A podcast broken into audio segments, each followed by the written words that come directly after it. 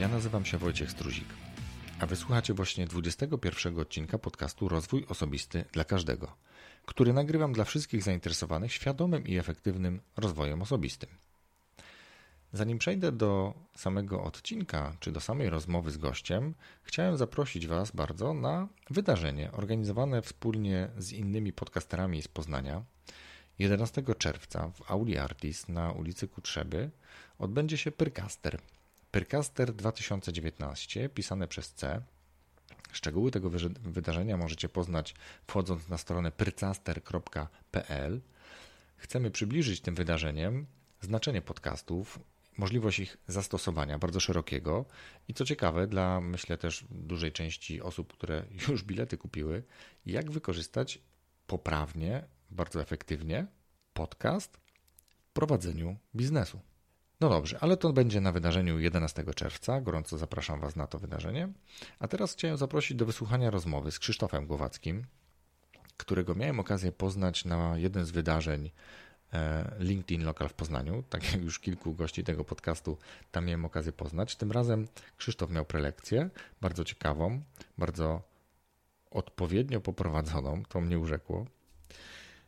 A mówił wtedy o słuchaniu, bo jest coachem i prowadzi również innymi warsztaty słuchania. Uczy ludzi słuchać. Bo dzisiaj bardzo dużo koncentrujemy się na komunikacji, ale nie w kontekście słuchania, tylko w kontekście mówienia, żeby być zrozumianym.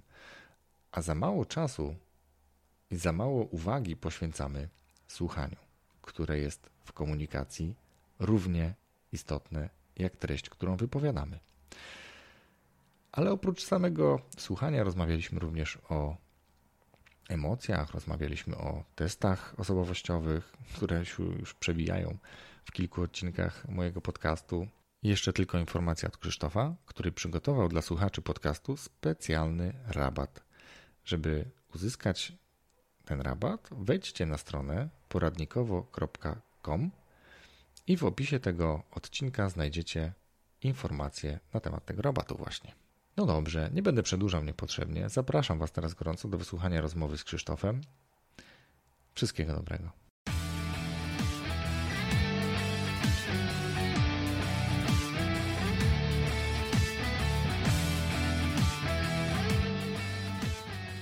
Cześć Krzysztofie, dziękuję Ci, że przyjąłeś moje spotkanie i możemy porozmawiać e, o tym, czym się zajmujesz, między innymi. Cześć Wojtku, również dziękuję za zaproszenie i cieszę się, że możemy pogadać. Ja się śmieję, dlatego że przed chwilą zaczęliśmy już rozmowę, tylko ja nie uruchomiłem nagrywania, więc teraz ponownie się sobie przedstawiamy i Krzysztof powiedział e, dzień dobry, a teraz powie nam, czym się Krzysztof zajmujesz? Ja się zajmuję, mm, ja uczę ludzi słuchać. Tak, to często określam. Oprócz tego jestem coachem, jestem psychologiem, e, prowadzę trochę szkoleń z komunikacji, uczę ludzi, jak się lepiej dogadywać i różnych rzeczy, które z tego dogadywania się wynikają. Ale powiem Ci, że to dobrze, że tak się stało, bo teraz powiedziałeś trochę więcej o sobie niż za pierwszym razem. I trochę inaczej i pewnie cała ta rozmowa będzie już trochę inna, tak? Ale fajnie. Ma to swoje plusy, oprócz tego, że, że tam już kilka minut sobie rozmawialiśmy. Dobrze, powiedziałeś czym się zajmujesz, a teraz ja jestem zaciekawiony i zawsze pytam swoich gości, jaka jest ich pasja. Jeszcze tylko powiem, że teraz przynajmniej wiem, jakich pytań się spodziewać, w związku z czym trochę stresu odchodzi. A ja też. Mogę za... Nie, to jak, stresujesz się? Ba, zawsze. Nie, rozumiem, okej, okay, dobra. To jaka jest twoja pasja? E, teraz będę nawiązywał, już będę miał takie poczucie, że to mówiłem, ale ci, którzy tego słuchają, tego nie słyszeli. E, mam takie poczucie, że nie mam takiej jednej pasji, którą bym się zajmował przez długi czas. E, trochę rozmawialiśmy zarówno przed nagraniem, jak i przed tym, jak i w czasie tego pierwszego przed nagrania. Startem. Przed falstartem. O talentach Galupa. Jednym z moich jest odkrywczość i mam poczucie, że bardzo dużo mi to powiedziało o sobie i zrozumiałem, dlaczego ja trochę skaczę z tematu na temat, nie jestem w stanie się w niczym jakoś głębiej zakorzenić. Właśnie dlatego, że mam poczucie, że ja zbieram różne rzeczy, inspiruję się nimi, potem składam je w jakieś różne inne całości i to jest coś, co, co chyba dla mnie jest taką pasją, żeby poznawać nowe rzeczy, żeby gdzieś w tym wszystkim coś nowego znajdować. U mnie odkrywczość jest dopiero trzynastym talentem. A podobnie jak ty, mam wrażenie, że ja już tak wiele rzeczy przetestowałem w życiu, że też tak trochę badam. Teraz od dłuższego czasu już zajmuję się, dłuższego czasu, no dobra, to jest to niecałe pół roku, tak, ale podcastem, natomiast testowałem wiele różnych rzeczy. Zarówno... Mam poczucie, że dla nas to pół roku to już jest od dłuższego czasu, nie? Teraz tak, w tych czasach masz rację, tak. to do tego nawiążemy. Ale testowałem diety, różne sporty uprawiałem, szukałem, cały czas poszukiwałem takiej pasji i dzisiaj mogę powiedzieć, że to, co właśnie teraz robimy, to dla ciebie jest to rozmowa ze mną, a dla mnie jest to pasja. Możliwość rozmawiania z ludźmi, możliwość y, dzielenia się jakby wiedzą i doświadczeniem tych ludzi, ale też takim wtrącaniem trochę własnych doświadczeń i przemyśleń. To jest właśnie, gdybym ja miał powiedzieć sobie, to pewnie powiedziałbym właśnie dokładnie tak. Dobrze, powiedziałeś o tym, że zajmujesz się um, uczeniem ludzi słuchania, co w dzisiejszych czasach wydaje się być bardzo może nie niszowym, ale no, pewnie, pewnie trochę niszowym e, zajęciem, ale z drugiej strony takim, tak patrząc na siebie i na to, co się dzieje wokół, bardzo potrzebnym zajęciem, żeby ludzie umieli słuchać. Ja też mam takie poczucie i, i, zgadzam się z jednym i z drugim. To znaczy, mam poczucie, że jednak to jest trochę niszowe, bo nie znam chyba, znaczy znam mało osób, które tego uczy, a chociaż jednak są. E, natomiast mam też poczucie, że to jest potrzebne E, jak ludzie się mnie pytają, czemu mam poczucie, że to jest potrzebne, to zadaję im pytanie, kiedy ostatnio oni mieli takie poczucie, że ktoś ich tak naprawdę głęboko wysłuchał. Że tak mieli poczucie, że byli w stanie się spotkać z tą drugą osobą, że byli w stanie się spotkać z samymi sobą, że to było coś, co było takim dojmującym doświadczeniem, że, no, że naprawdę je zapamiętali. I myślę sobie, że ludzie często szukają daleko w pamięci a tak naprawdę ja chciałbym, żeby to była nasza codzienność, żebyśmy, e, nie mówię już o pracy, ale żebyśmy w związkach mieli poczucie tego, że mężowie, żony siebie wzajemnie słuchają i są w stanie bardzo mocno przy sobie być. Wiesz co, od razu przypomina mi się, i tu faktycznie rozmowa idzie w trochę innym kierunku niż zaczęliśmy wcześniej, e, przypomina mi się po tym, co powiedziałeś, taki z jednej strony bardzo mądry, 10-minutowy film, z drugiej strony przedstawiony w formie zabawnej, ale trochę jakby innej, e, no dobrze, bo być może jest to wyrwane z kontekstu. Nie wiem, czy oglądałeś taki film e, Marka Gungora w internecie, który mówi o różnicach między mózgiem kobiety i mózgiem mężczyzny. Ja chyba go zaczynałem kilkukrotnie oglądać, ale nigdy go nie skończyłem. I tam jest właśnie taka w żartobliwy sposób przedstawiona mm, różnica właśnie między mózgiem mężczyzny a kobiety, czyli Mężczyzna, kiedy jest zestresowany, raczej zamyka się w sobie, musi to przemyśleć, raczej nie otwiera się od razu, nie papla, tak to nazwijmy, mm, chyba że mówi do kogoś, kto jest mu w stanie w tym pomóc. Tak też Mark Gungor to przedstawia, że mówimy tylko wtedy i tylko do tej osoby, która jest w stanie nam pomóc z tym, co właśnie przeżywamy. W przypadku kobiet znowu jest tak, że one nie oczekują po pierwsze żadnej pomocy w przypadku swojego stresu, ale muszą to z siebie wyrzucić, muszą to wygadać. I to prawdopodobnie nie odstaje od tego, czym ty się zajmujesz, czy o czym mówiłeś przed chwilą, tylko nawiązuje tylko i wyłącznie do stresu, czyli Mark Gungor mówił, i tu nie chodzi o to, że masz pomagać. Tu nie chodzi o to, że masz jej powiedzieć, słuchaj, to zrób to czy tamto, dawać gotowe rozwiązania. Nie, on wręcz przedstawił to w takiej formie żartobliwej, nie rób tego, bo ona cię zabije. Ty tylko słuchaj, albo chociaż udawaj, że słuchasz, czyli potakuj, y, tak żeby ona jakąkolwiek relację z tobą miała, żeby mogła się wygadać, wyszczelać, wyrzucić z siebie te emocje. Ale ty to, co powiedziałeś, to raczej nie jest to. Ty mówisz o tej relacji głębokiej, o tej relacji, która, o tej nici porozumienia, o tej, o tej rozmowie normalnej, już abstrahując od wszelkiego stresu. Wiesz co, i tak i nie. To znaczy ja mam poczucie y, i taki przykład z mojego życia rodzinnego i z relacji z moją żoną kiedy Ula wraca czasem z pracy e, i jakby zaczyna mi o czymś opowiadać, to ja czasem jakby trochę jej przerywam i pytam, dobra, wiesz, słucham co mówisz, powiedz mi czego potrzebujesz. Czy potrzebujesz teraz, bo zajmujemy się dość podobnymi rzeczami, to znaczy Ula też się zajmuje HR-ami, w związku z czym ja wiem, że mógłbym jej w czymś pomóc, doradzić, powiedzieć, jakie jest moje, moje zdanie czy moja opinia, ale zaczynam zazwyczaj, czy staram się zacząć od pytania, czego potrzebujesz? Nie? Czy potrzebujesz, żebym powiedział ci, co ja na ten temat myślę, czy potrzebujesz, żebym powiedział ci, co ja bym na twoim miejscu zrobił, czy po prostu, czy po prostu mi chcesz opowiedzieć o tym, co się zdarzyło i, i tyle, nie? Mhm. E, I kiedy ona się zastanowi i powie mi, wiesz co, no potrzebuję tego i tego, to ja wiem, że ja mogę też zmienić swoje nastawienie w słuchaniu.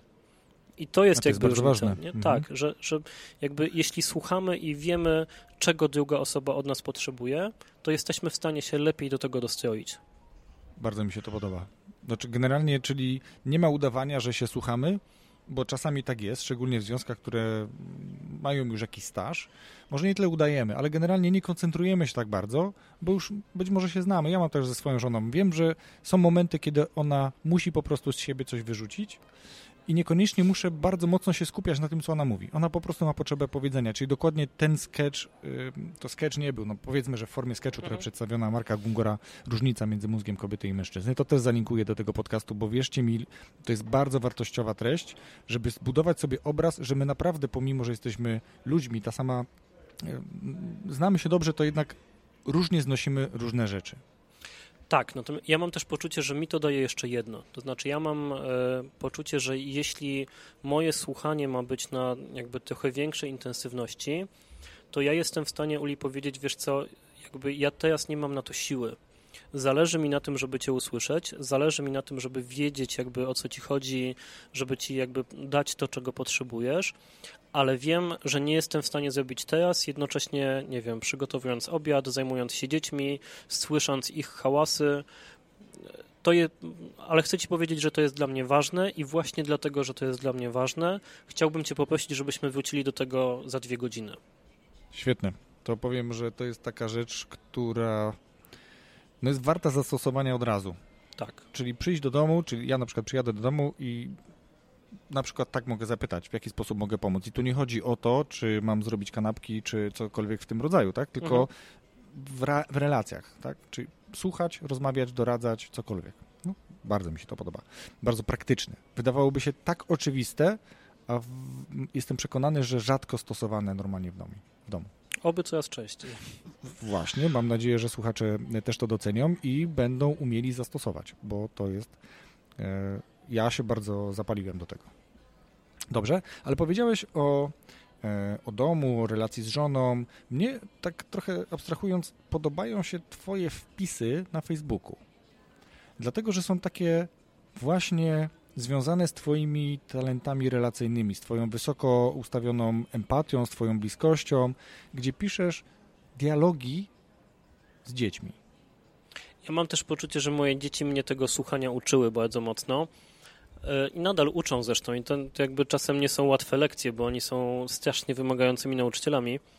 E, I moja trochę historia z, ze słuchaniem Teraz jakby jak mi czasem Facebook podpowiada jakieś wspomnienia sprzed kilku lat, widzę, że ona jest jakby dużo dłuższa niż ja się tym zajmuję tak oficjalnie, ale mam poczucie, że y, zaczęła się trochę, kiedy mój syn miał pół roku, a Ula musiała wrócić do pracy na etat. Ja wtedy byłem z Jankiem, y, jakby opiekowałem się nim i to jest trochę niestandardowe pewnie, ale dla mnie to była jakby mega duża lekcja tego, żeby się nauczyć słuchania jakby dziecka, które jeszcze nie potrafi mówić, ale już komunikuje swoje potrzeby. E, I to było z jednej strony dla mnie strasznie trudne, bo ja jestem pewnie trochę jednak e, jakby taką osobą, która gdzieś tam chciałaby od razu wszystko wiedzieć i, i zrobić to, co trzeba i mieć to z głowy trochę. A tutaj no, to nie było takie, takie oczywiste i takie łatwe. E, I mam poczucie, że, że cały czas mnie dzieciaki tego uczą. Nie? Tego, że czasem no, nie chodzi o to, co się mówi, tylko chodzi o to, co jest pod spodem. Mówi się, że dzieci uczą cierpliwości. Ty mówisz, że uczą słuchania. Czy uczą... uczą... i cierpliwości i słuchania, czy bardziej tak byś y, zupełnie rozgraniczył te rzeczy? Chyba trochę mam poczucie, że uczą tego, czego się w danym momencie potrzebuje. Nie? Mhm. Tam jakby mówię trochę, że nie ma litości i pewnie trochę tak jest, nie? ale jakby e, no, nie, ma, nie ma co się oszukiwać, że bycie rodzicem jest dużą lekcją. To jeszcze zanim, rzeczy. tak, no, moje dzieci już są duże, stosunkowo duże, bo córka ma 12, syn 16 lat, więc mogę powiedzieć, że są duże, bardzo samodzielne. Ale chciałem zapytać Cię jeszcze o jedną rzecz, zanim przejdę do tego, o czym już chwilę rozmawialiśmy, mhm. zanim e, ponownie włączyłem e, rejestrator. Czy zgodzisz się z takim powiedzeniem, że małe dziecko, mały problem, duże dziecko, duży problem? Jeszcze nie wiem, bo nie mam jeszcze dużych dzieci, nie? ale, ale um, obawiam się, że, znaczy jeśli to jest prawda, to obawiam się trochę tego. E, z drugiej strony mam poczucie, że ja wiem, że teraz są najważniejsze lata życia moich dzieci w kontekście jakby zyskiwania różnych umiejętności, w kontekście budowania relacji z nimi. E, robię co mogę, żeby tą relację z nimi zbudować naprawdę silną, opartą na szacunku, ale jednocześnie opartą na tym, żeby one no, stawały się silnymi ludźmi. W związku z czym stawanie się silnymi ludźmi trochę zakłada, że masz na kim tą siłę trenować. Nie? I masz kogoś, z kim możesz być takim trochę sparring partnerem. No i ja tą rolę sparring partnera na siebie przyjmuję, bo wiem, że lepiej, żeby moja córka jakby uczyła się mówić e, nie mi, niż żeby nie potrafiła tego nie powiedzieć za 15 lat komuś innemu. Mhm. E, I w tym kontekście mam poczucie, że jeśli ma się duże kłopoty z dziećmi w wieku, kiedy one już są duże, e, to być może te kłopoty, kiedy one były małe, były za małe. Okej, okay. to trochę mnie wystraszyłeś, powiem z jednej strony, ale wierzę, ufam swoim dzieciom, wiem, że są e, generalnie w ogóle fajnym rodzeństwem, ale ja ze swojego doświadczenia, e, dlatego też ci zadałem to pytanie, bo, bo ja się z nim nie zgadzam. Ja się nie zgadzam z tym powiedzeniem. Dla mhm. mnie małe dziecko, mały problem i duże dziecko ten sam problem, dalej bym powiedział, jeżeli mówi, mówimy w ogóle w kontekście problemu, tak? Mhm. Bo, bo to jest taka trochę dziwna analogia mm, to jest kwestia właśnie tego, jak podejdziesz do, do tego dziecka, tak. ale podoba mi się to, jak ty reagujesz, czyli tak bardzo roztropnie, bardzo mm, przewidująco, coś, czego wielu rodziców, szczególnie młodych rodziców, mam wrażenie, znowu trochę uogólniam, ale zaniedbują. Czyli ja również to przez jakby sporą część czasu bycia rodzicem zaniedbywałem. Z jednej strony będąc rodzicem, który jedyny pracował, więc jakby trochę mniej mi też było w domu, czasem żona mi to przypomina, ale też chodzi o to, że mm, staram się na przykład edukować w tym temacie. Staram się nie wiem, czytać książkę, jak mówić do dzieci, żeby chciały cię słuchać, tak, żeby ten dialog był trochę zbliżony. Nie zawsze mi się udaje, bo wtedy, kiedy ja chciałbym porozmawiać z synem, on niekoniecznie ma na to ochotę, a kiedy ja już jestem zmęczony i też nie mam ochoty na rozmowę, on właśnie przychodzi się wygadać, nie? I to jest ta umiejętność, kiedy trochę trzeba go posłuchać, a trochę powiedzieć, tak mi się wydaje, że teraz ja już nie mam właśnie tej siły na to, żeby w skupieniu ciebie posłuchać, nie? Że musimy do tej rozmowy wrócić kiedy indziej, tak? Ja mam poczucie, że, że tutaj, znaczy, jak uczę słuchania, to mówię też, że to, to jest, znaczy, że to nie jest coś, co przychodzi naturalnie, że to jest coś, co wymaga wysiłku. I teraz trochę dla mnie to jest też pytanie, komu ja ten wysiłek chcę dać. Ja wiem, że dla mnie na pierwszym miejscu są właśnie moje dzieci, moja żona. Nie? To, to są ludzie, którym ja bardzo chcę ten wysiłek dać i oni są po prostu dla mnie najważniejsi. E, w związku z czym teraz każde moje tak dla kogoś innego może być nie dla nich. Nie? To, że ja teraz jestem tutaj z tobą, znaczy, że nie mam mnie z nimi w ciągu dnia. E, I mam poczucie też, że jeśli chcemy dawać im to słuchanie, jeśli chcemy dawać im siebie w takim rzeczywiście w dużej jakości, to komunikat nie teraz, bo teraz po prostu nie jestem w stanie dać ci tyle, ile, ile jestem, ile chciałbym. Jest tak naprawdę zadbaniem o relacje, nie? I jest chyba bardziej fair niż takim udawanym słuchaniem. Tak, bo wtedy jednak no, czujemy się olewani, jak ktoś nas udaje, że słucha, nie? To mam poczucie, że to od razu jesteśmy w stanie wy, wy, wyczuć. Mhm. Dobrze, a teraz przejdę do tego, o czym chciałem porozmawiać, bo w ogóle powinienem powiedzieć na wstępie, dlaczego w ogóle rozmawiamy. Ja poznałem Krzysztofa na... Krzysztof jest kolejną osobą, którą poznałem na LinkedIn Local w Poznaniu i bardzo podobało mi się twoje wystąpienie, kiedy właśnie mówiłeś o słuchaniu, ale mówiłeś w takim ciekawym kontekście no dobrze, ty to powiedz. W jakim kontekście mówiłeś o słuchaniu? Trochę mówiłem właśnie w kontekście tego, żeby mm, odczepić się od własnych emocji, żeby zostawić swoje potrzeby na boku, jeśli jesteśmy w stanie, e, i żeby usłyszeć, że ludzie, którzy do nas mówią, nie mówią o nas, nawet jeśli nam się wydaje, że o nas mówią, ale mówią o sobie. Mówią o swoich potrzebach, mówią o swoich problemach, mówią o tym, czego oni pragną, co im przeszkadza osiągnąć to, czego pragną. To są takie rzeczy, które, które za tym wszystkim stoją, nawet jeśli tak naprawdę mówią, e, że coś z nami jest nie tak. To to mhm. nie jest o nas, to jest o nich. Dokładnie. I też mocno nawiązywałeś do obrazu, który przyniosłeś, to tak y, uśmiecham się trochę, bo z jednej strony już to powiedziałem, déjà vu, a z drugiej strony y, to jest taki kunszt z jednej strony, nie wiem, czy to było świadome, że przyniosłeś ten obraz, bo tak w szkole, w, na warsztatach, wystąpień publicznych mówi się, że dobrze jest mieć ze sobą rekwizyt, On z jednej strony pomaga nam przeprowadzić wystąpienie, z drugiej strony przykuwa uwagę publiczności. Lepsze ma, zdjęcia ma też jakieś wychodzą, znaczenie. Lepsze zdjęcia. I ma jakieś znaczenie. To było świadome, zaplanowane działanie z tym obrazem, czy po prostu tak, chciałeś tak, trochę... jasne. Okej. Znaczy, to, to dla mnie jest ważny obraz, nie? I Mhm. to jakby, to jest też ważne przesłanie, które na nim jest. To jest taki obraz, który ja mam w gabinecie, w którym pracuję, e, który wisi nade mną e, i przypomina mi o tym. E, obraz, na którym są plecy jakiejś osoby w takiej żółtej czapce e, i w żółtej kurtce zresztą, z napisem em, bądź uprzejmy, bo każdy, kogo spotykasz, toczy swoją wielką bitwę. I mam poczucie, że za tym stoi głęboka prawda, że, że jeśli spotykamy się z kimś, kto dla nas jest nieuprzejmy, kto jest chamski, e, to nie chodzi o nas znowu, ale prawdopodobnie chodzi o to, czego ta osoba doświadczyła być może 5 minut wcześniej, być może z czym się zmaga przez ostatni czas, że ludzie nie chcą być, ja w to głęboko wierzę, że ludzie nie chcą być nieuprzejmi, nie chcą być źli, nie chcą być wredni, ale po prostu czasem życie no, jest jakąś taką wielką bitwą. Ja to często powtarzam, że generalnie ludzie z natury są dobrzy, chcą dobrze, chcą pomagać i może z drobnymi wyjątkami, kiedy jakaś, jakieś traumatyczne doświadczenie zmieniło ich, albo są po prostu w pewnym sensie niedorozwinięci lub ograniczeni umysłowo w wyniku choroby jakiejkolwiek, tak? To to są takie mm, patologie, które mogą wpłynąć na to, że ta osoba z natury rzeczy wtedy nie jest dobra. Ale ja mogą powiedzieć ludzie, że jestem naiwny, natomiast wydaje mi się, że to mocno wypływa z twojej i mojej, bo mamy to obaj wysoko empatii, czyli zdolności takiej do rozumienia pewnych zachowań, z czego one wynikają, do takiej zdolności do wchodzenia w czyjeś buty. I ja to bardzo często w pracy też wykonuję i ty w swojej akurat. Kiedy ktoś przychodzi do mnie i opowiada mi o czymś, to ja się tak zastanawiam, mówię, dobrze, widzę, że jest to dla ciebie ważne, że, że to cię wzburzyło, a teraz zastanów się, jak ta druga osoba to odebrała, tak? Albo jak ona to powiedziała, jakie mogła mieć intencje. Czy to na pewno jest tak, jak ty to widzisz?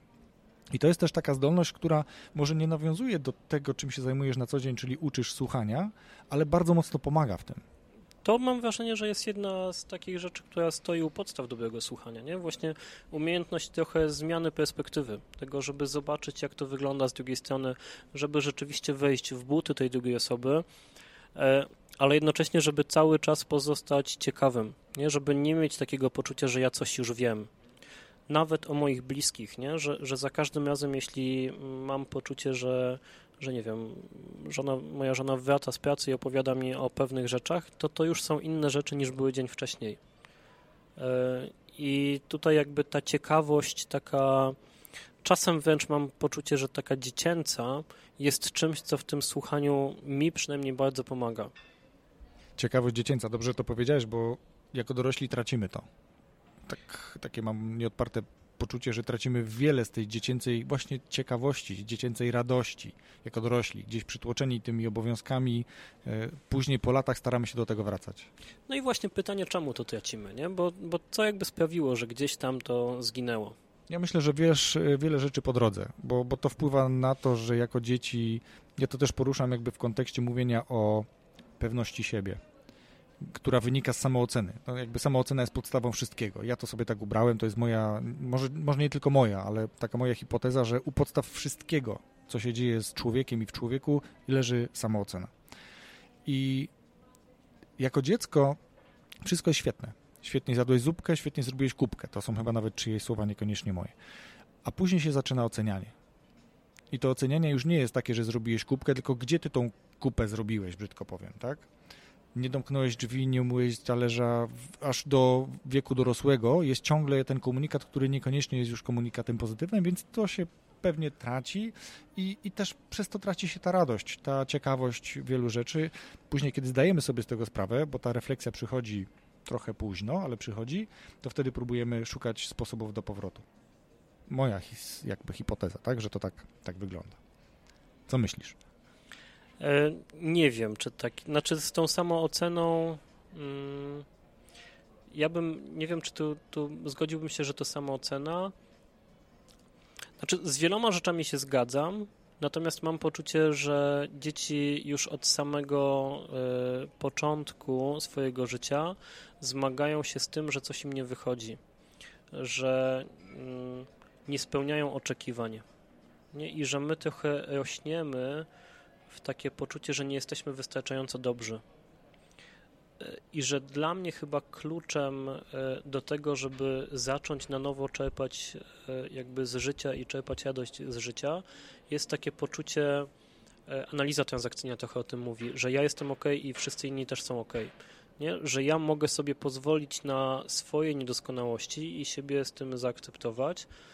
Nawet nie wiem, czy to są niedoskonałości, po prostu to, jaki jestem. Nie? I mam poczucie tego też, że inni też są ok, tacy jacy są, że pozwolę być innym um, właśnie takimi, jakimi są. Mhm. I um, głęboko we mnie siedzi jeden wpis facebookowy Szymona Hołowni, który kiedyś mówił o tym w kontekście takich polskich podziałów, że fajnie byłoby, gdybyśmy byli w stanie spojrzeć na siebie wzajemnie z taką życzliwością i ciekawością, żebyśmy w stanie, byli w stanie na, nie wiem, własnych przeciwników politycznych spojrzeć z takim zaciekawieniem właśnie, nie? Dlaczego e, ktoś tam jest taki, a nie inny, nie? Że, że, żeby dostrzec człowieka za, za jakby takim medialnym wyglądem też. I mam poczucie, że im więcej w nas jest e, samoakceptacji, zgody na to, kim my jesteśmy, tym mniej czepiamy się innych za to, kim oni są. Mhm. Bo nie mamy w sobie jakby tej niezgody na siebie, która potem no, trudno się nie zgadzać na siebie, w związku z czym no, przerzucamy ją na innych, nie? Wkurza nas tak naprawdę to, z czym sami mamy problem często. Okej. Okay. No ciekawy wywód, powiem szczerze. Natomiast no, każdy ma jakieś założenie, swoje, swoje hipotezy. Moja jest właśnie taka, że gdzieś u podstaw leży ta samoocena.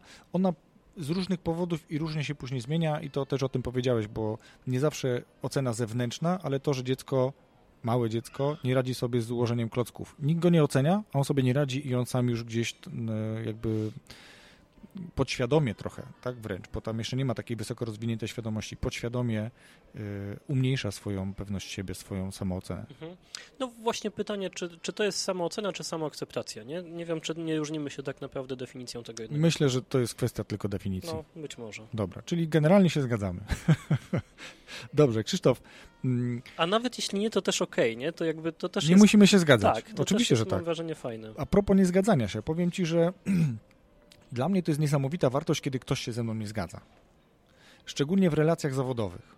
Mhm. Dlatego, że jeżeli pracujesz z ludźmi, którzy się z tobą zgadzają, to nie masz szansy, po pierwsze, uniknięcia błędów, nie masz szansy mm, naprawienia błędów, które już powstały, bo nikt nie miał odwagi, bo to często wynika z tego powodu. Nikt nie miał odwagi powiedzieć że się z tobą nie zgadza i twój pomysł niekoniecznie jest dobry, bo on ma lepszy, ale nie wiem, ty jesteś przełożonym albo cokolwiek i on się z tobą nie zgadza. Dużo czasu kosztuje wypracowanie wśród zespołu czegoś takiego, kiedy oni mogą sobie nawzajem, ale i swojemu szefowi powiedzieć ok, dobra, ale co powiesz na to?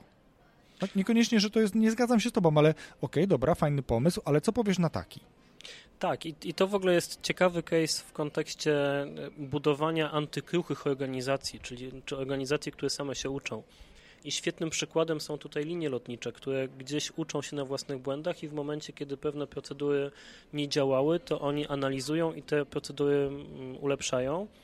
Natomiast e, przykładem tego, jak działają organizacje które tego nie robią. Też były linie lotnicze dalekowschodnie, koreańskie, japońskie kilkadziesiąt lat temu, kiedy właśnie ten dystans pomiędzy jakby ten dystans władzy tak naprawdę był tak, tak duży, że pierwszy oficer nie był w stanie pilotowi powiedzieć o jego błędach, przez co rozbijały się samoloty. Niesamowite.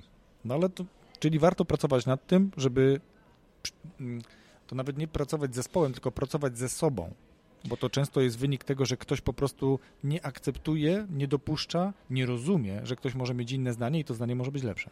Tak, ale to mam wrażenie też jest jakby umiejętność dawania, i będąc przełożonym, to jest umiejętność dawania swoim podwładnym prawa do tego, żeby się ze mną nie zgadzali i dawania i tworzenia im atmosfery poczucia bezpieczeństwa, żeby oni rzeczywiście mogli powiedzieć mi, że wiesz, no sorry, ale tutaj może nie do końca masz rację. Nie? Z dos- powiem z doświadczenia, kosztuje to dużo pracy, ale tak, warto, tak. ale warto. Dobra, to przechodzę teraz, bo tak przeskakuję, ale bardzo ciekawie ta rozmowa się toczy. Mówisz, że zajmujesz się uczeniem ludzi słuchania. Więc gdybym ja chciał najpierw zacząć od siebie, sam trochę potrenować, to po pierwsze, po co mam to zrobić? a po drugie, jak najlepiej, gdybym chciał zacząć od siebie. A czym się zajmujesz? Nie, w kontekście czegokolwiek. No To w kontekście Bez, czegokolwiek... bez względu na to, Mhm. jakby kim jestem zawodowo, czy jakim Okej. jestem człowiekiem. Po prostu dociera do mnie, że być może faktycznie słuchanie w dzisiejszych czasach jest istotne. Em, nie wiem jeszcze do końca dlaczego, to mi powiedz. Mhm. A później, co powinienem ewentualnie zrobić, żeby popracować nad tym, żeby być lepszym słuchaczem? Okej. Nie, jakby nie bez przyczyny zapytałem cię, czym się zajmujesz, dlatego że mam poczucie, że to słuchanie jest przydatną umiejętnością w różnych kontekstach. W kontekstach, y, jakby mówiąc zawodowo, w kontekście zarządzania ludźmi, żeby właśnie uniknąć trochę tego, o czym przed chwilą rozmawialiśmy. W kontekście sprzedaży, żeby usłyszeć swojego klienta i być w stanie zbudować zaufanie, to znaczy, żeby ten klient był w stanie otworzyć się i powiedzieć o tym, czego tak naprawdę potrzebuje. Nie na zasadzie potrzebuje nowego samochodu, potrzebuje nowego telefonu czy czegokolwiek innego, ale na zasadzie tego, co ma mi to dać, jakie moje potrzeby ma mi to zaspokoić. I wiem, że jeśli usłyszę klienta, ja sprzedaję jakby szkolenia i coaching pewnie głównie, nie? w związku z czym jeśli usłyszę, czego ci ludzie chcą i oni sami dojdą do tego, co im to da, to po pierwsze buduje się pomiędzy nami duża atmosfera zaufania, a po drugie ja jestem w stanie im powiedzieć, wiesz, okej, to co ja proponuję jest dla ciebie dobre. Albo jestem w stanie powiedzieć, wiesz, ja mogę ci to dać, ale y, to nie będzie dla ciebie idealne rozwiązanie. Wolę polecić ci kogoś innego, kto da ci coś, co, co będzie Czego się Lepsze. spodziewasz? co, Mhm. będzie, co będzie dla ciebie lepsze, co bardziej trafi w twoje potrzeby. Tylko muszę mieć chyba wtedy też takie poczucie tego, że ja niekoniecznie muszę mieć nastawienie jakby na efekt, na sprzedaż. Nie muszę mieć gdzieś, gdzieś w momencie słuchania muszę się odczepić od swoich celów, od swoich osiągnięć, a muszę skoncentrować się tylko i wyłącznie jakby na tym, czego potrzebuje ta druga osoba. I ta umiejętność koncentracji na tym, czego potrzebuje druga osoba, myślę, że jest, em, no właśnie, jest taką wartością, która, na której potem są zbudowane inne rzeczy w zależności od tego, w jakim o jakim kontekście mówimy. Dobra, ale to czy słuchanie, umiejętność słuchania ma jakiekolwiek znaczenie? Czy to jest słuchanie w domu, czy to jest słuchanie klienta, czy to jest słuchanie zespołu, z którym się pracuje, czy to jest po prostu zdolność słuchania, którą, która jest jedna jaka zdolność o szerokim zastosowaniu. Mogę ją wykorzystać wszędzie. To nie jest tak, że jeśli to dobrze rozumiem, że muszę nauczyć się słuchania inaczej w domu, a inaczej słuchania e, w klienta, a inaczej słuchania ekipy, z którą współpracuję. Mam poczucie, że to, znaczy, że umiejętność jest rzeczywiście ta sama, ale będziesz ją wykorzystywał trochę w, innych, w inny sposób. Nie, to znaczy ja inaczej będę słuchał mojej żony, moich dzieci, a inaczej będę słuchał moich klientów, a jeszcze inaczej będę słuchał kogoś, kto do mnie dzwoni i chce mi sprzedać em, telefon. Przekonałeś mnie. Tym trzecim, przekonałeś mnie. To faktycznie tu chcemy słuchać najmniej. Tu chcemy słuchać najmniej i mam też poczucie, że jakby, no, że to jest okej, nie? Że ja muszę, że dla mnie słuchanie nie jest czymś, co, co jest takie łatwe i, i proste. Kosztuje mnie trochę wysiłku, w związku z czym ja chcę się zastanowić nad tym, komu ten wysiłek chcę dać. Super. No to teraz przejdźmy do tego, jak zacząć pracę z tym, żeby lepiej słuchać. Na początku mam poczucie, że trzeba jakby pierwszą taką, taką rzeczą, której ja przynajmniej staram się uczyć, jest to, żeby się odkleić od swoich potrzeb. Nie? To znaczy być w stanie powiedzieć stop, tu nie chodzi o mnie, muszę uspokoić emocje, muszę sprawić, że tak naprawdę nawet jeśli ta druga osoba jest wzburzona, to żeby we mnie to nie, nie drgało jakoś mocno, ale żebym był w stanie jakby dać komuś spokój, którego ta osoba potrzebuje. Zwłaszcza jeśli mówimy o jakichś takich emocjonalnych rozmowach. E, I żeby, no, żeby po prostu być w stanie jakby trochę na chłodno to przyjmować. Nie? To jest jakby jedna rzecz. Druga, że mam poczucie, że warto nauczyć się tego, w jaki sposób docierać do tego, o co tak naprawdę tym ludziom chodzi. I tutaj myślę sobie, że czasem to nie jest łatwe, dlatego że czasem sami ci ludzie nie do końca wiedzą, o co im chodzi. Nie, nie do końca wiedzą, czego potrzebują, nie do końca wiedzą, co tak naprawdę dla nich jest ważne. I teraz ja mogę być słuch, ja mogę słuchać trochę dla siebie, żeby samemu te informacje otrzymać, żeby dostać to, czego ja potrzebuję, a mogę wejść trochę w rolę takiego świadka, który tworzy drugiej osobie przestrzeń do tego, żeby ona sama odnalazła siebie. Dwie rzeczy. Pierwsza, czyli nie reaguje takimi samymi na przykład emocjonami, jak osoba, z którą rozmawiam. Tylko pytanie, czy to no to też jakaś umiejętność, którą, którą trzeba wypracować, bo od razu mam taki obraz, kiedy jest bardzo poruszona osoba, bardzo zdenerwowana osoba, a tutaj z kolei osoba bardzo wyciszona. Czy, tu się zastanawiam, czy to nie będzie jeszcze bardziej potęgowało złości w tej drugiej osobie, kiedy tu jest zupełna y, odwrotność. Ja bym powiedział, że nie, nie, nie trzeba wyhamowywać emocji, ale żeby się do nich dostroić. Okay, dobra. Nie? I tutaj to dostrojenie emocji jest jakby czymś, co, co może być, e, no właśnie, chyba lepszym sformułowaniem.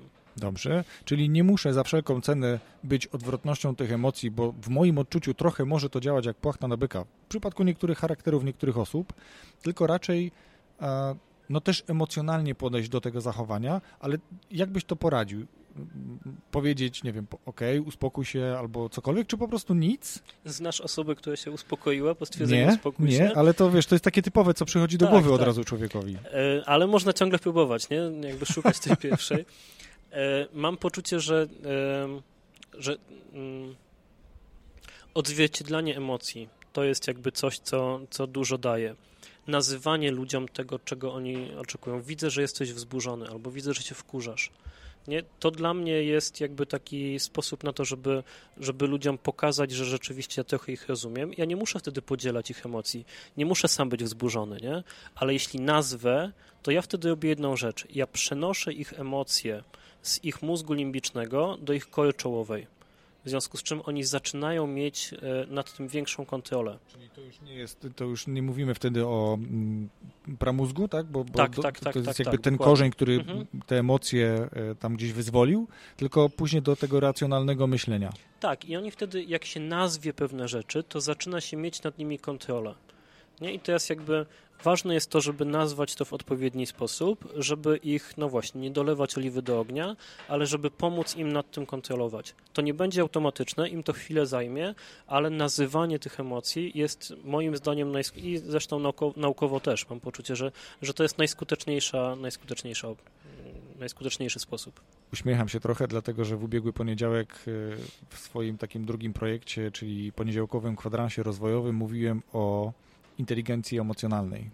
Czyli właśnie o takim bardzo mocnym nacisku na zrozumienie swoich emocji, na nazywanie swoich emocji i ty jakby potwierdzasz to, że, tak, tak, że, że, to działa. Mhm. Świetnie. A teraz drugi aspekt, o którym mówiłeś, czyli mm, dać możliwość zrozumienia tego problemu, to zadawać pytania w trakcie, czy po prostu dalej nie ingerować na tyle, żeby ta osoba to z siebie wyrzuciła i dopiero kiedy to, co powiedziałeś przed chwilą, przekierowujesz to z tego mózgu gadziego do tego mózgu, który, gdzie zaczyna się mm, ta racjonalność włączać, to dopiero wtedy przechodzić do dialogu?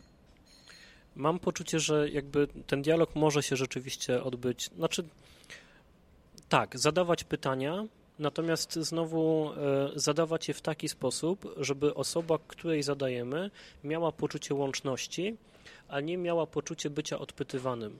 Nie? I to jest moim zdaniem cała umiejętność polega, cała, cała sztuka jest tutaj na tym, żeby te pytania służyły tej osobie, a nie tylko naszej ciekawości.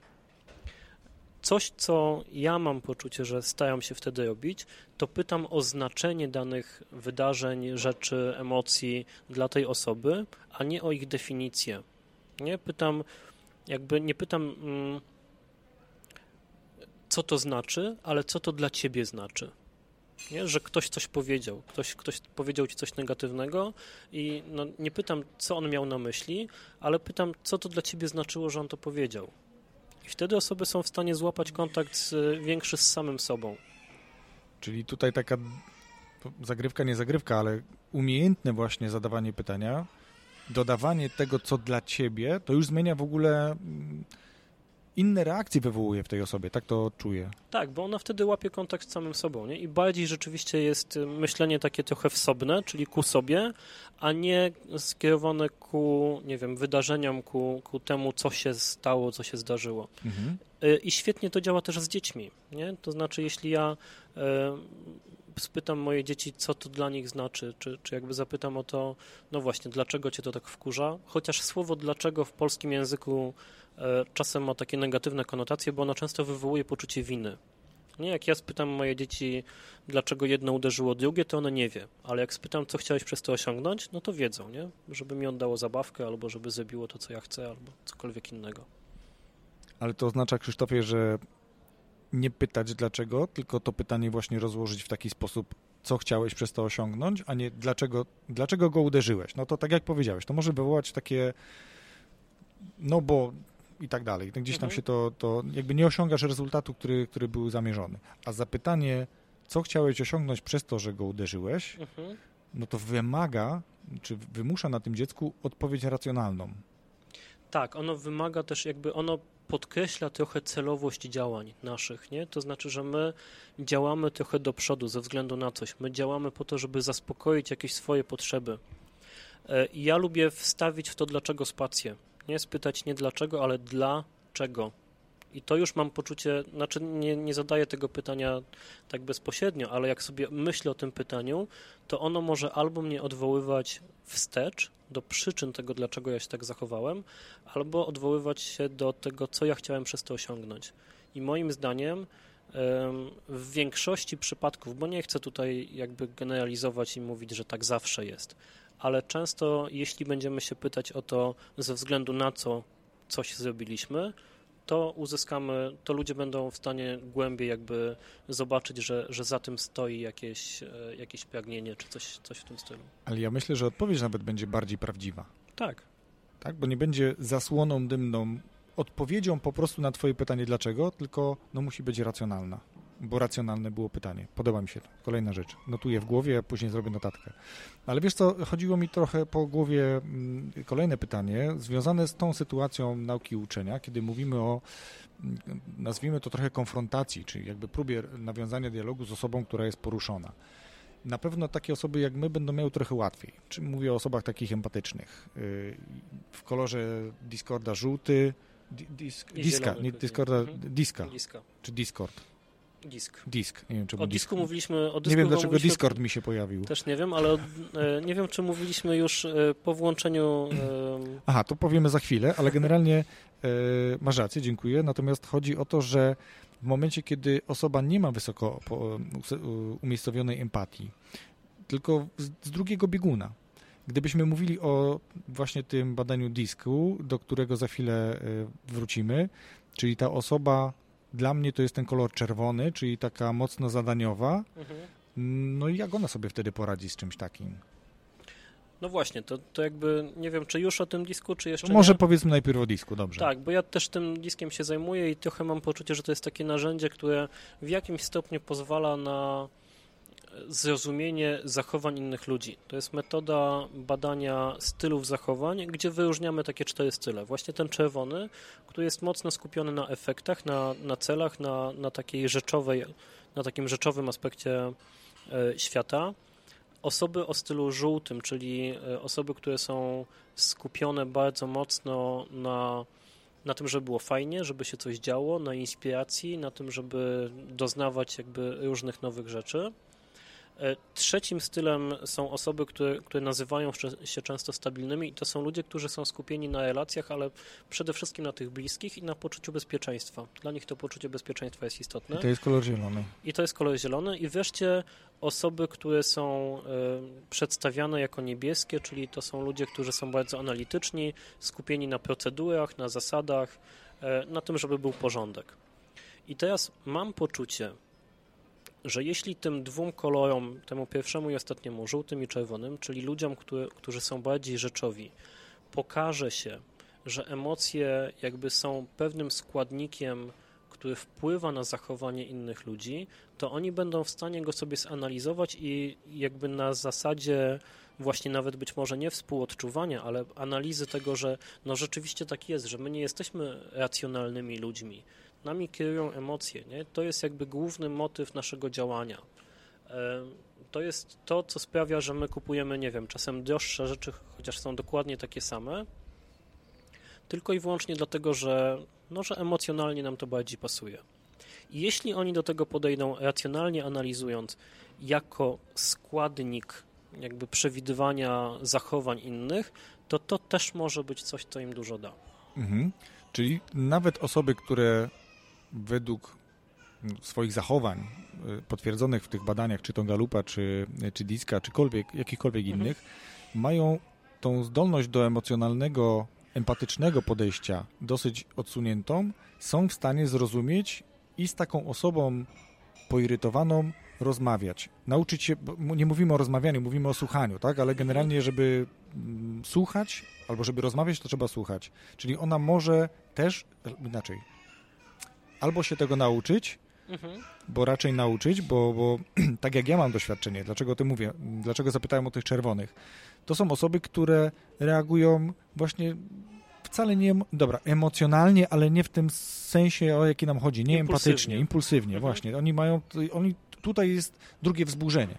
Y, czyli tu od razu wyobrażam sobie, że do osoby, która jest poirytowana, on bardzo szybko osiąga ten sam poziom irytacji.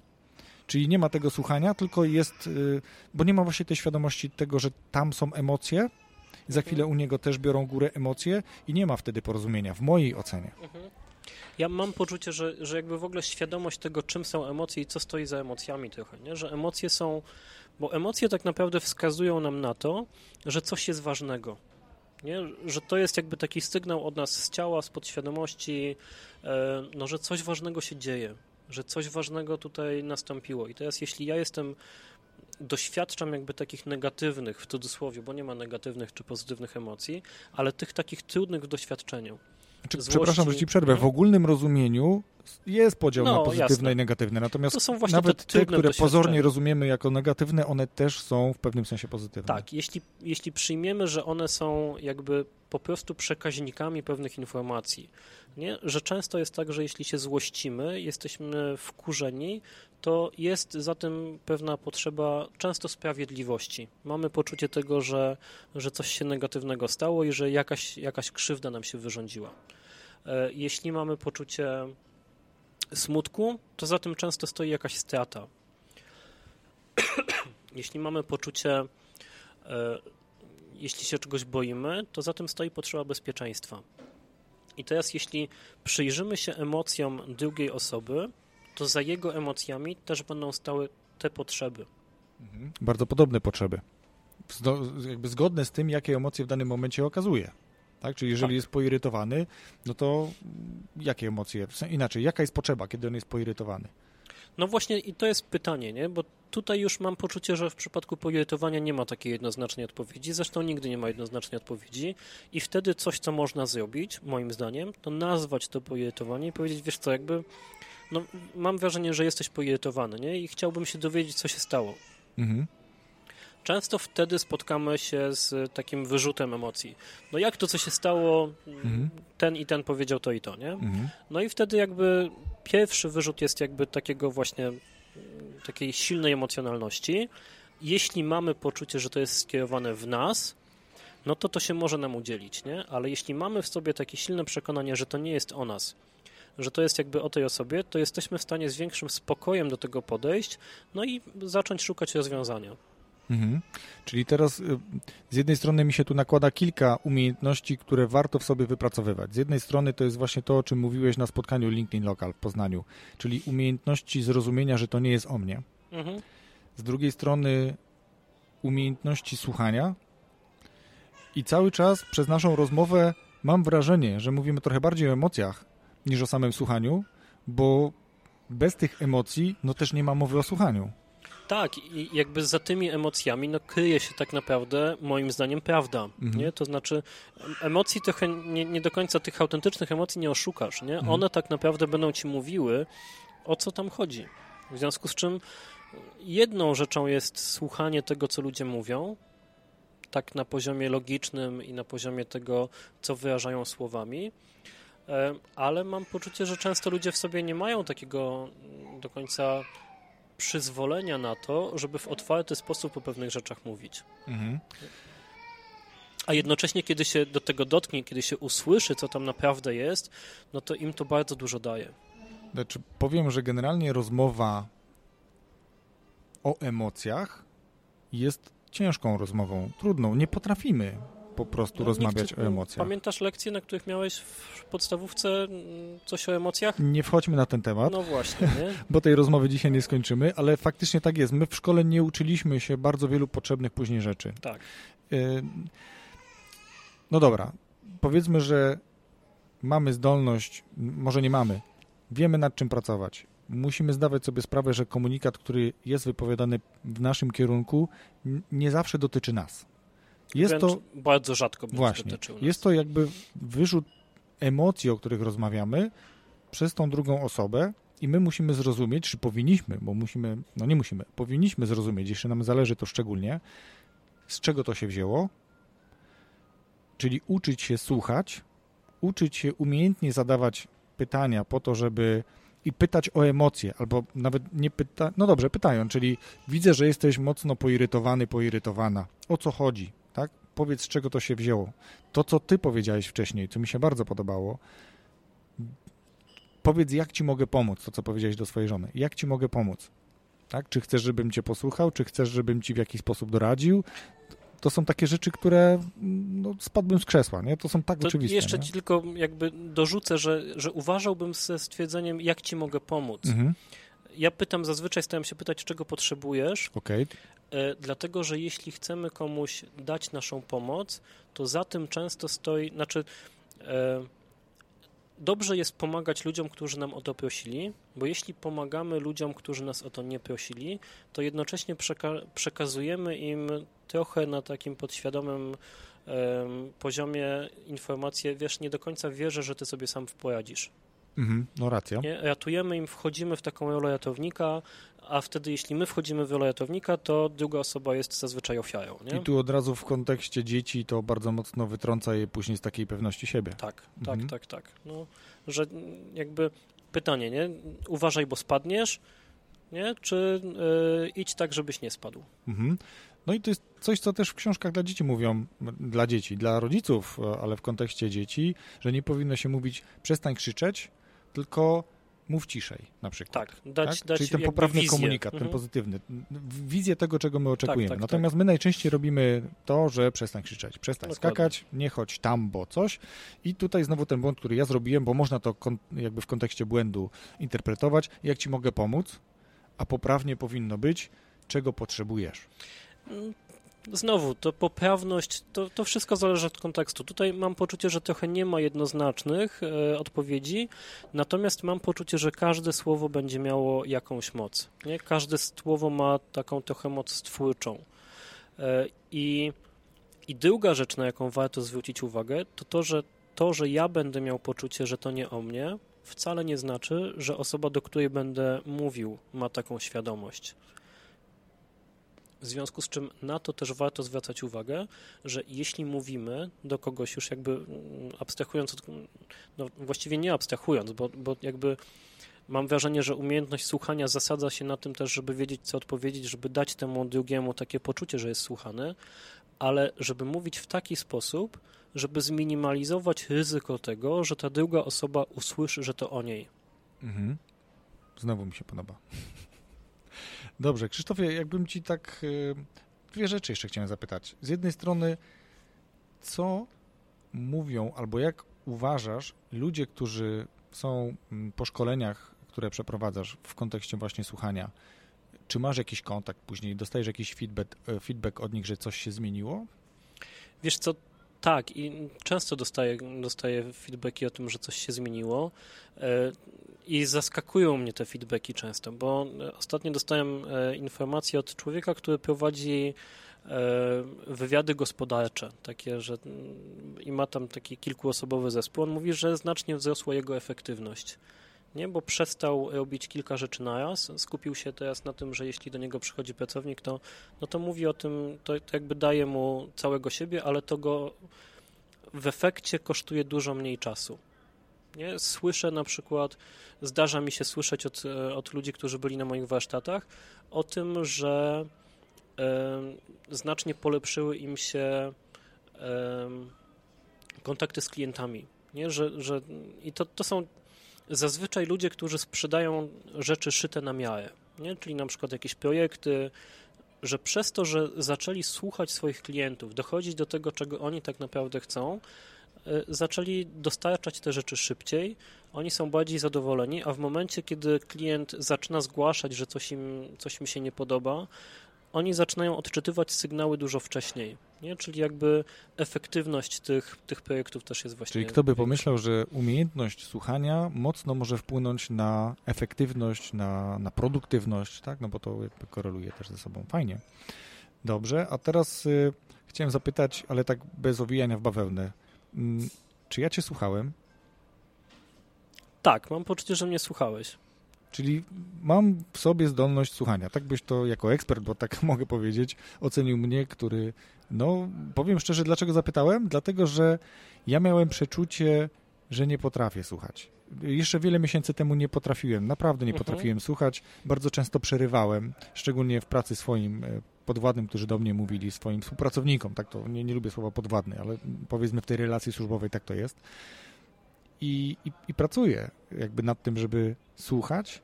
Dlatego ciebie zapytałem, czy, czy czułeś się słuchany? Okej, okay. mam poczucie, że, że to też jakby w kontekście tego słuchania, to, to znowu można mówić o różnym o różnym poziomie, celu. Różnym... Poziomie to jedno, ale różnym celu słuchania. Nie? I twoim celem słuchania było to, żeby wydobyć ze mnie jakieś informacje, żeby to później wrzucić w internet, żeby jak najwięcej osób z tego skorzystało. Nie? I w tym kontekście mam poczucie głęboko, że jakby słuchałeś bardzo celowo i skutecznie, myślę. Nie? Że, że rzeczywiście jakby pytania, które potem zadawałeś, były takie, które, e, no, które zgłębiały temat, nie? No, super, Także to dziękuję. Pod tym bo... względem ja się czułem słuchany. o to mi chodziło. Dobrze, Krzysztofie, a chciałem zapytać, powoli zmierzając ku końcowi naszej rozmowy, bo rozmawiamy już blisko godzinę.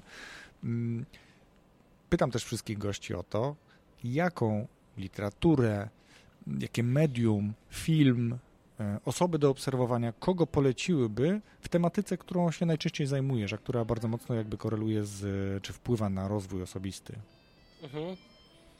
E, znowu zależy od działki trochę. Jakby jedną z kilka takich najciekawszych czy najcenniejszych książek, jakie ja znam o słuchaniu, e, to jest e, Po prostu słuchaj Goldstona, chyba nie pamiętam imienia, ale to ci podeślę później, żeby Świetnie, w linkach się znalazło. Mhm. Dość ciekawą rzeczą, chociaż bardziej już z takim nastawieniem psychologicznym, czy, czy chyba właśnie dla, dla takich osób, które zajmują się trochę pomaganiem innym ludziom, e, to jest zatracona sztuka słuchania czy utracona sztuka słuchania. Mhm. Mm, I myślę, że to są takie dwie rzeczy, które, które jakby po polsku są dostępne, chociaż obie są dość niełatwo dostępne. Mhm. I myślę sobie jeszcze o innych rzeczach. Jest dość fajne wystąpienie na TEDzie, ale trochę w innym kontekście, nie, nie w kontekście jakby takiego słuchania, usłyszenia drugiego człowieka, czyli, czyli raczej właśnie o tym, jak słuchać. I tam jest kilka takich fajnych ćwiczeń, które trochę wkraczają w taki, w taki mindfulness, nie? taką większą świadomość tego. E, I mm, autor tego wystąpienia to jest chyba Julian Treasure, pięć lepszych sposobów na słuchanie, czy, czy coś w tym stylu. Więc też podlinkujemy w takim razie. Okay. Mhm. E, I myślę sobie, czy jest trochę angielskich rzeczy, które mam poczucie, że ja z nich czerpię, ja mocno też czerpię właśnie ze storytellingu ostatnio, ale czerpię też trochę z takich um, nurtów improwizacyjnych. W teatrze właśnie. Mam poczucie, że one tam bardzo mocno opierają się na to, żeby usłyszeć zaproszenie drugiej osoby do tego, co ona, jakby do czego ona chce nas zaprosić i jakby odpowiedzieć na nie. Mhm, też I w, ciekawe. I w tym kontekście jest jeszcze dwie takie książki, które mam poczucie, że są fajne w kontekście sprzedaży i słuchania w sprzedaży, bo często mówi się o tym, że jakby usłyszenie potrzeb, zbadanie potrzeb e, tego, kto chce od nas kupić, jest jednym z najważniejszych etapów sprzedaży. Nie? I tutaj Daniel Pink ma e, jedną z takich książek dość fajnych. Też polskiego Podlinkujemy tytułu, w takim razie, okej, I to- to- mhm. jeszcze jest jedna rzecz, którą też chętnie podlinkuję. Świetnie, to będę czekał na materiały. bodajże. Będę czekał na materiały. Ja cię chciałem zapytać o taką książkę pod tytułem Cisza, m, która nie jest w kontekście m, samego słuchania. To przekręcę komputer. Mhm. Jest to książka, którą ja kiedyś, mm, kiedyś w ubiegłym roku tak naprawdę kupiłem dla siebie i ona jest o ciszy, a mnie cisza bardzo mocno też jakby przenika z słuchaniem, bo czasem trzeba usłyszeć tą ciszę właśnie. I ona jest może nie po to, żeby uczyć się słuchania jako takiego, o którym my rozmawialiśmy, ona mnie osobiście bardziej pomogła w e, takim wyciszeniu się nie z pobudzenia, nie z takiej bardzo dużej aktywności, tylko raczej z takiego stanu, może zbyt dużo powiem ocierającego się o depresyjny, ale taki, gdzie człowiek był trochę zagubiony. I taka książka właśnie o ciszy, o słuchaniu, o tym, żeby mm, czasem poświęcić czas na to, żeby niczego nie słuchać, właśnie żeby usłyszeć, że też może być takim ciekawym pomysłem na to, żeby pracować nad e, zdolnościami słuchania. Tak, i, i to w ogóle jest zupełnie inna historia jeszcze, bo mam poczucie, że pytanie, na ile my słuchamy samych siebie, nie? na ile słuchamy własnych potrzeb, własnych pragnień, nie wiem, własnych lęków, na ile mamy taką odwagę tego, żeby się z nimi spotkać, bo jeśli tej odwagi nie mamy, to to będzie wychodzić w kontaktach z innymi ludźmi. Nie? Wtedy, kiedy oni będą mówić o czymś, czego oni sami się boją, e, no to wtedy będzie to czuć. Nie? Jeśli dobrze, nie znam książki, w związku z czym nie, nie do końca wiem, czy, czy to o tym. To bym powiedział, że to jest książeczka nawet. Okej. E, Natomiast e, dla mnie to, to tworzenie przestrzeni ciszy też jest istotne właśnie w kontekście słuchania, żeby tworzyć, żeby dawać przestrzeń drugiej osobie. Że my, i to jest też takie, takie powiedzenie, że często słuchamy po to, żeby odpowiedzieć, a nie po to, żeby zrozumieć. Nie? Czyli nie zostawiamy tej przestrzeni ciszy dla drugiej osoby, ale od razu wskakujemy z naszym, nie wiem, pytaniem, Doradztwem dopowiedzeniem, albo, albo doradztwem, razu. Mhm. z naszym wiem lepiej. Nie Tak. wiem lepiej. Okej. Czyli cisza w kontekście dania komuś szansy na mówienie dalej albo powiedzenie czegoś. Tak i na znalezienie siebie często. Ciekawe. Dobrze. Krzysztofie, e, dziękuję za rekomendację, a teraz jeszcze powiedz nam, gdzie możemy Ciebie szukać, gdyby ktoś potrzebował się z Tobą kontaktować, porozmawiać, mm, doradzić. Ja bardzo zapraszam na stronę sztukasłuchania.pl, bez polskich znaków oczywiście. E, Pod adres na Facebooku też jestem dostępny i tam staram się być dość aktywny. E, Krzysztof Głowacki, myślnik Sztuka Słuchania. Tam To wszystko będzie znaleźć. też podlinkowane. Teraz też próbuję zrobić coś takiego i jakby właśnie trwa, a w momencie, kiedy z tego co wiem ten odcinek się zakończy, będzie się kończył taki pierwsza edycja internetowego kursu słuchania, e, gdzie z jednej strony prowadzę ludzi przez taki właśnie proces e, umiejętności słuchania, przez w dużej mierze to, o czym mówiłem teraz, ale też zapraszam do tego, żeby mm, poeksperymentowali trochę poprzez różne ćwiczenia, poszukali siebie w tym wszystkim, e, poszukali właśnie, posłuchali swoich bliskich być może i to robię w kontekście mm, bardziej prywatnym niż zawodowym, natomiast w kontekście jakby takiego słuchania, które może się przydać e, w kontakcie z pracownikami, z podwładnymi, w kontekście umiejętności menedżerskich, w kontekście sprzedaży, prowadzę warsztaty. Myślę, że dość regularnie ostatnio, Mhm. zwłaszcza w Poznaniu i Warszawie i na nie też jakby zapraszam i wszelkie te informacje też można znaleźć zarówno na stronie, jak i na Facebooku. Świetnie, Krzysztofie. W takim razie ja nie pozostaje mi nic innego, jak tylko bardzo podziękować Ci za tą rozmowę. Ja sam zanotowałem sobie w głowie póki co kilka ciekawych informacji i myślę, że słuchacze też z tej rozmowy mogą bardzo dużo dla siebie wynieść wartościowych rzeczy. Mam nadzieję i do usłyszenia. Dziękuję również, do Moje usłyszenia. Dziękuję Ulubione bardzo. pożegnanie ostatnie. Cześć Krzysztofie. Dzięki. Właśnie wysłuchałeś kolejnego odcinka podcastu Rozwój Osobisty dla Każdego.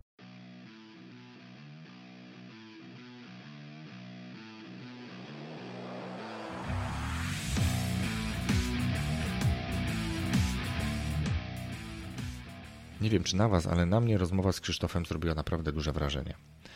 To, w jaki sposób opowiadał, jak spokojnie opowiadał o komunikowaniu się, ale o komunikowaniu się z zastosowaniem słuchania, jak rozmawia ze swoimi dziećmi, jak rozmawia ze swoją żoną, to widać już nawet w, w, sposobie, jaki prowadzi swój profil na Facebooku, gdzie wrzuca właśnie, rozmawialiśmy o tym, ciekawe dialogi ze swoimi dziećmi. To pokazuje, jaką dużą wagę przywiązuje do tego, żeby usłyszeć to, co ktoś chce nam przekazać, co chce nam powiedzieć. I jak powiedziałem na wstępie, Krzysztof podzielił się dostępem do swojego kursu, dając słuchaczom tego podcastu rabat. I żeby uzyskać ten rabat, wejdźcie na stronę poradnikowo.com. W opisie tego odcinka 21 jest na samym dole kilka ciekawych linków i między innymi informacja o tym rabacie. Tymczasem bardzo dziękuję za wysłuchanie. Mam nadzieję, że podobał Wam się co najmniej tak jak mnie ten odcinek i rozmowa z Krzysztofem, którą mieliście okazję wysłuchać. I teraz zapraszam gorąco do tego, żebyście subskrybowali ten podcast, po to, żebyście widzieli wszystkie bieżące odcinki, które się pojawiają natychmiast. Nie tylko regularne, piątkowe, ale tak jak ostatnio miałem okazję wrzucić taki odcinek specjalny po konferencji aktywnych w Warszawie, nagrany z młodymi ludźmi, bardzo energicznymi, bardzo ambitnymi, co da się słuchać, czy da się słyszeć w tym odcinku ekstra. I byłoby fajnie, jakbyście też podzielili się swoją opinią, najlepiej na iTunes, przyznając odpowiednią ilość gwiazdek, najchętniej przyjmę 5. I komentarz, jeśli znajdziecie chwilę na to, żeby go napisać. Tymczasem bardzo serdecznie dziękuję za wysłuchanie tego odcinka. Jeśli subskrybujecie, to za to, że subskrybujecie. Wszystkim, którzy zostawili na tą chwilę komentarz na iTunes, również bardzo gorąco dziękuję i zapraszam za tydzień na kolejny piątkowy nowy odcinek z gościem, ale na razie nie powiem jeszcze jakim, również bardzo ciekawym. Wszystkiego dobrego dla Was.